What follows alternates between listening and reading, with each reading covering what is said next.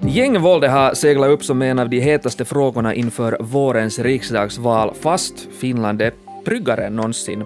Enligt Sannfinländarna och resten av oppositionen måste ungdomsbrottsligheten och gatuvåldet stävjas med hårdare straff och tuffare invandringspolitik. Och riksdagen ska därför nu rösta om regeringens förtroende. Så vill vissa partier bara göra oss räddare för att kunna använda våldet som politiskt vapen? Eller finns det fog för de här kraven på hårdare straff? Kring det här ska vi diskutera här i Nyhetspodden. Jag heter Johannes Taberman och med mig har jag Svenska Yles politikreporter Magnus Svaning. Välkommen. Tack. Det pågår lite av, tycker jag, av en sista, sista julrusning i riksdagen nu. Det är regeringsgräl titt som tätt, interpellationerna avlöser varandra. Samtidigt så tävlar politikerna lite om vem som kommer med de största nyårslöftena och hårdaste julklapparna till väljarna. Och om man tittar in i den här politikpåsen så hittar man allt från elpristak till sänkta skatter, men också krav på hårdare kriminalpolitik. Vad säger du Magnus, är det här liksom nu julafton också för dig som politikreporter eller är det mer sådär frustrerande att följa med den här cirkusen på slutrakan? Eh, kanske det är roligare för mig som politikreporter och politiknörd. Jag vet inte hur den stora allmänheten förhåller sig till det liksom mm. råd som pågår i, i, politiken just nu. Men, men vi går ju mot val och då blir ju alltid politiken mer spännande och det var väl kanske dagens debatt också ett exempel på. Ja, precis. Den här politiska cirkusen fortsatte i riksdagen idag när regeringen tvingades svara då på oppositionens kritik under interpellationsdebatten om gängkriminaliteten och ungdomsbrottsligheten. Du har följt med den här debatten i riksdagen. Hur het gick den? Ja, den gick, den gick ganska het, eh, med många, som man kanske kunde vänta sig, retoriska rallarsvingar som säkert inte kanske heller var så hemskt uppskattade av alla folkgrupper. Men det var en intressant debatt på många sätt. Alltså vi talar ju nu om ett ämne som håller på att segla upp på något sätt som en valfråga. Det verkar oundvikligt. Alltså. Mm. Eh, det är Sannfinländarna som har bestämt sig för att det här ska bli en valfråga. Eh, det är en valfråga de har importerat från Sverige där den ju verkligen var en stor och avgörande mm. Fråga eh, som gjorde att det gick så bra som det gick för Sverigedemokraterna. Och nu får vi ju då ett, på sätt och vis ett klart svar på hur alla andra partier står i den här frågan. Och redan efter att ha sett den här debatten kan man väl säga att, att det politiska landskapet i, i Finland ser annorlunda ut äh, än i Sverige. Där gick ju egentligen alla med på den här liksom, mm. Sverigedemokraternas verklighetsbild av att det är invandringen som är orsaken till en äh, accelererande eller galopperande brottslighet och, och gängkriminalitet. Här är det lite mera äh, nyanserat fortfarande. Precis, men hur många gånger nämndes, skulle du säga, Sverige under den här interpellationsdebatten? väldigt många gånger, jo. Äh, ja. Vi är på Sveriges väg, är åtminstone Sannfinländarnas verklighetsbeskrivning. Äh, den är också i viss mån kanske Samlingspartiets äh, verklighetsbeskrivning, det var Rörelsen Nus verklighetsbeskrivning. Men då handlar det ju hela tiden om det här potet, att vi inte får bli som Sverige, inte att vi är som Sverige. Ja, Sannfinländarna kör igen med en sån här hård retorik om, om lag och ordning och varnar för att just vi ska gå Sveriges våldsamma väg om vi inte tar till exempel till en sån här dansk modell där man har tagit med hårdhandskarna i den här gängkriminaliteten. Men vad är det liksom för konkreta åtgärder som Sannfinländarna egentligen föreslår? Ja, Sannfinländarnas mest konkreta och oftast upprepade äh, åtgärd är ju att man ska minska på invandringen, äh, helst strypa den. Äh, det vill säga deras förklaring till att äh, gängkriminaliteten växer i Finland är att eh, vi har haft en för generös invandringspolitik. Man vill alltså strypa invandringen, man vill gå åt familjeåterföreningar och så vidare. Eh, I Sannfinländarnas eh, interpellation talar man väldigt lite om till exempel förebyggande åtgärder. Mm. Sen talar man då också om skärpta straff, man vill sänka straffrättsåldern till 14 år, man vill Precis. ha särskilt då skärpta straff för de som deltar i, i gängkriminalitet. Och det här är ju också sådana metoder som man liksom importerar från Sverige och som Sverige delvis har importerat från, från Danmark, så man ser hur det här liksom sprider sig, den här nya nordiska kriminalpolitiken eller vad vi nu ska kalla det. Eh, men jag tänker liksom att ligger det inte ändå samtidigt ändå någon sanning i sannfinländarnas syn på kopplingen mellan gängbrottslighet och, och invandring? Jag tycker att det intressanta här är ju att Sannfinländarna, till skillnad då från, från hur man talar om de här frågorna i Sverige, så talar man ju om brott som inte finns, eh, utan man talar liksom hela tiden om att vi är på Sveriges väg och gör vi inte någonting nu, sätter vi inte stopp för det här nu, så kommer vi att ha en gängkriminalitet i Finland som involverar skjutvapen, dödsskjutningar. Den stora skillnaden som man måste komma ihåg är att eh, i Sverige räknar polisen med att det kanske finns 8000 gängkriminella. De är ofta tungt beväpnade. Vi har hittills i år sett eh, ett 60-tal dödsskjutningar. Eh, I Finland har inte en enda människa skjutits ihjäl Nej. i anslutning till gängkriminalitet. Däremot, vi har kanske ett tiotal dödsskjutningar per år, men det är i allmänhet män som skjuter kvinnor. Ja. Eh, att, att brottsligheten ser annorlunda ut. Vi har också en stor organiserad brottslighet i Finland men den har ingenting med de här gängen att göra. Nej. Men det betyder förstås inte att man kan säga att de inte finns. Och, och det som är det hemska här är ju att medan brottsligheten överlag också bland unga minskar i Finland, så har vi här att göra med ett gäng som polisen identifierar till kanske tio gäng, ett hundratal unga brottslingar. Um, och vi har också en del brottslighet bland riktigt unga, alltså bland barn. Och det här är ju klart att det är ju liksom ett ett väldigt oroväckande eh, fenomen när barn begår brott. Mm. Eh, det handlar om rån, det handlar om väpnade rån och våld. Eh, så är det förstås väldigt, väldigt obehagligt. Och, här så ser man ju väldigt tydligt då att de här gängen i stor utsträckning består av barn och unga med invandrarbakgrund. Det, det är liksom inte bara Sannfinländarnas verklighetsbeskrivning utan det är någonting som alla partier erkänner och att det är någonting som man måste, måste ta tag i och, och, och göra någonting åt. Sen har de väldigt olika eh, syn på vad man ska göra. Ja, precis, för, för det bottnar ju i segregation och, och det här är ju någonting som man diskuterar mycket i, i, i Sverige. Jag hade till exempel den här svenska kriminalreportern Diamant Salihu i Nyhetspodden för en tid sedan som just har tittat väldigt noga på den här segregationsproblematiken, men han konstaterar att inte har vi alls den segregationen i Finland ännu. och Han påpekar också att, att strängare straff är inte liksom någon eh, ensam lösning på det här, att titta fast på USA. Ja, ja och det, det, det svåra med att på något sätt tro att vi är på Sveriges väg är det att, att Sverige är väldigt ensamt ja. på sin väg. Det vill säga, I eh, ett vi har, europeiskt vi, liksom, vi, vi har invandring i andra europeiska länder, ja. äh, men vi har inte den gängkriminalitet och de dödsskjutningar som vi har i Sverige.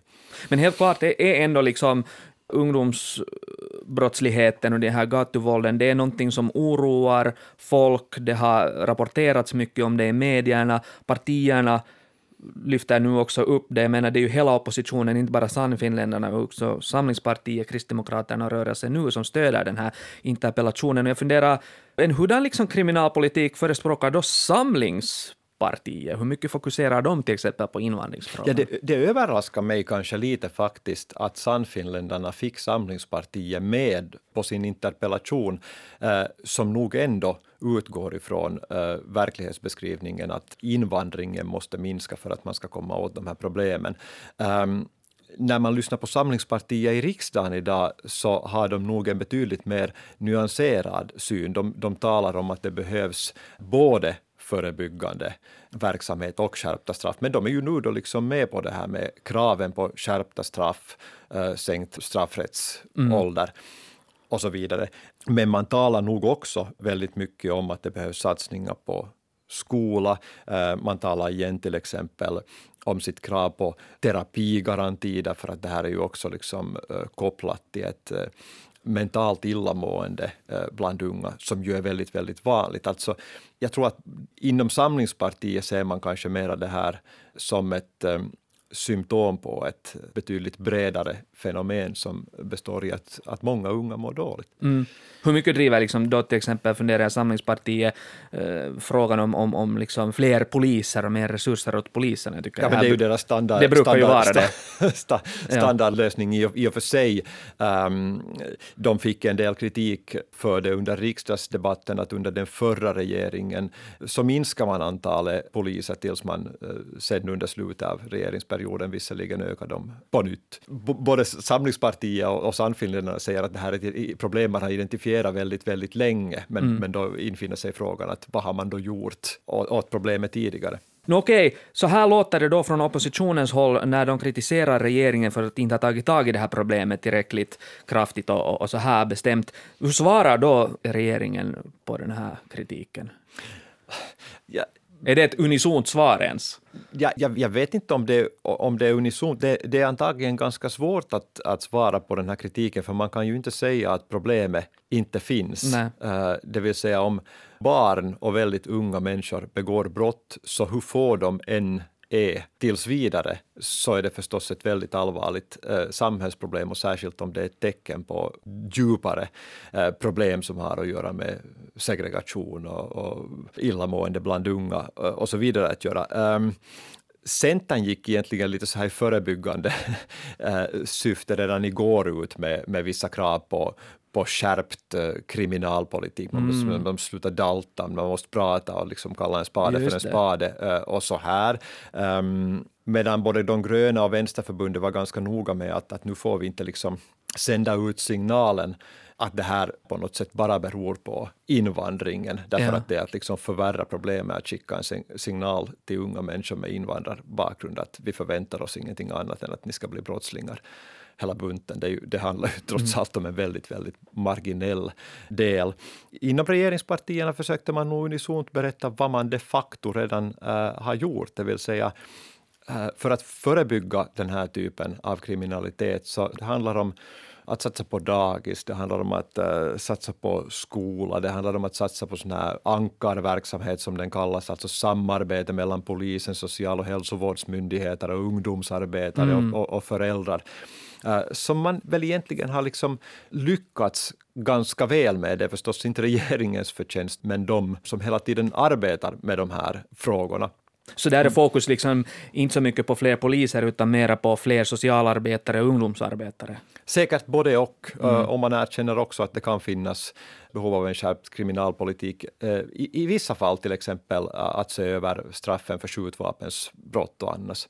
Mm. Vi var lite in på det att, att, trots att den här debatten om gängvåldet går het så, så är det faktiskt så att brottsligheten i Finland överlag eh, stadigt minskar, trots att till exempel då våld mot kvinnor fortfarande är ett stort problem. Men, men det stora undantaget är just de här allt grövre våldsbrotten bland unga under 15 år som ökar och som oroar polisen också, i synnerhet i större städer.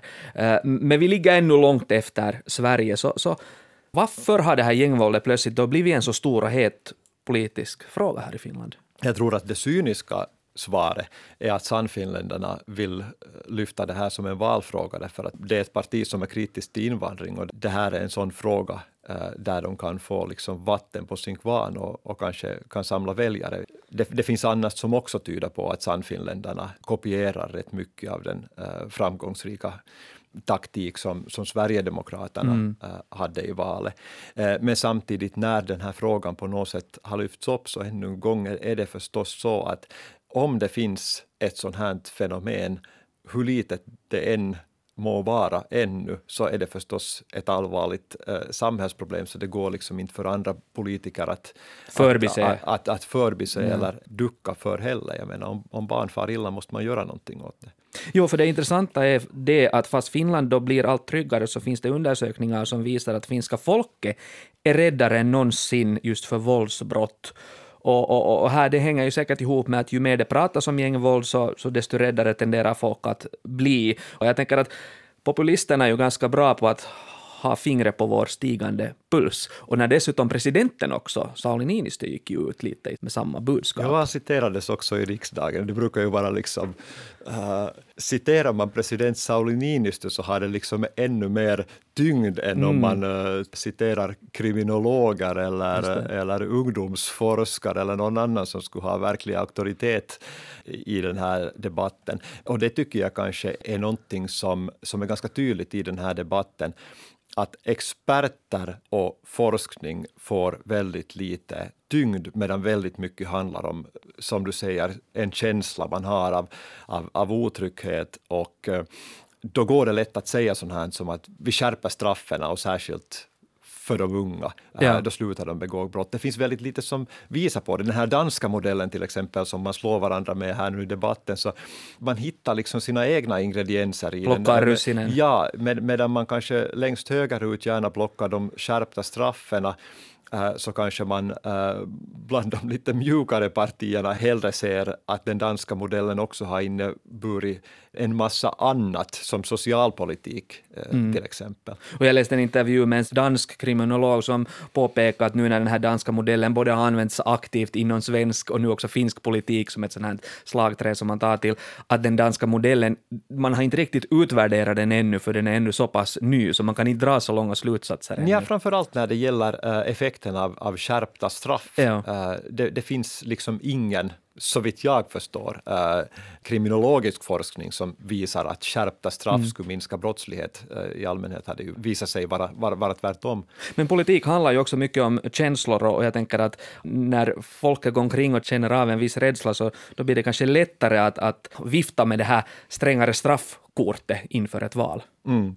Strängare straff och också invandring. Mm. Det är nog ändå så att Sannfinländarnas första argument handlar om att man måste skärpa invandringen. Um, gruppordförande i riksdagen äh, talade idag om att, att vissa grupper av människor som kommer hit är integrationsodugliga, mm. vilket var ett ganska anmärkningsvärt ord att säga att ofta om någon människa begår brott så kanske man tänker att det här kan bero på den här människans personliga egenskaper eller möjligen på att eh, socioekonomiska förutsättningar som, som driver en att göra brott. Eh, här utmålar man en hel grupp av människor som integrationsodugliga, det vill säga att den, den, de här människorna, det går inte eh, för dem att komma in hit i samhället utan att begå brott. Och i hela den här debatten som du just säger, fokus ligger på invandrare, men också på ungdomar. Och, och, det finns mycket kriminologisk forskning som visar att just ungdomar upplevs ofta utgöra eh, det största hotet inom kriminalpolitiken och har alltid varit på något sätt föremål för lite överdriven oro och rädsla. Så vilken roll skulle du säga att, att moralpaniken spelar in i hela den här debatten kring gängbrottsligheten här? Ja, är det moralpanik? Jag tror att det är en rädsla. Uh, det är ju så att spektakulära våldsbrott väcker ju alltid rädsla eller spektakulära fenomen mm. som också är lite så här nya och okända och skrämmande som när det börjar röra sig uh, ungdomsgäng. Uh, å ena sidan och å andra sidan sen så handlar det säkert om en, en verklig oro för uh, unga människor som mår dåligt och, och, och, att man ser att det här är ett, ett tecken på, på någonting som håller på att hända i samhället som man måste göra någonting åt. Tack Magnus Svanjung för den här analysen. Tack. Du har lyssnat på nyhetspodden från Svenska Yle med mig Johannes Taberman, Ami Lassila är producent och Micke Andersen skötte tekniken. Fortsätt lyssna på oss.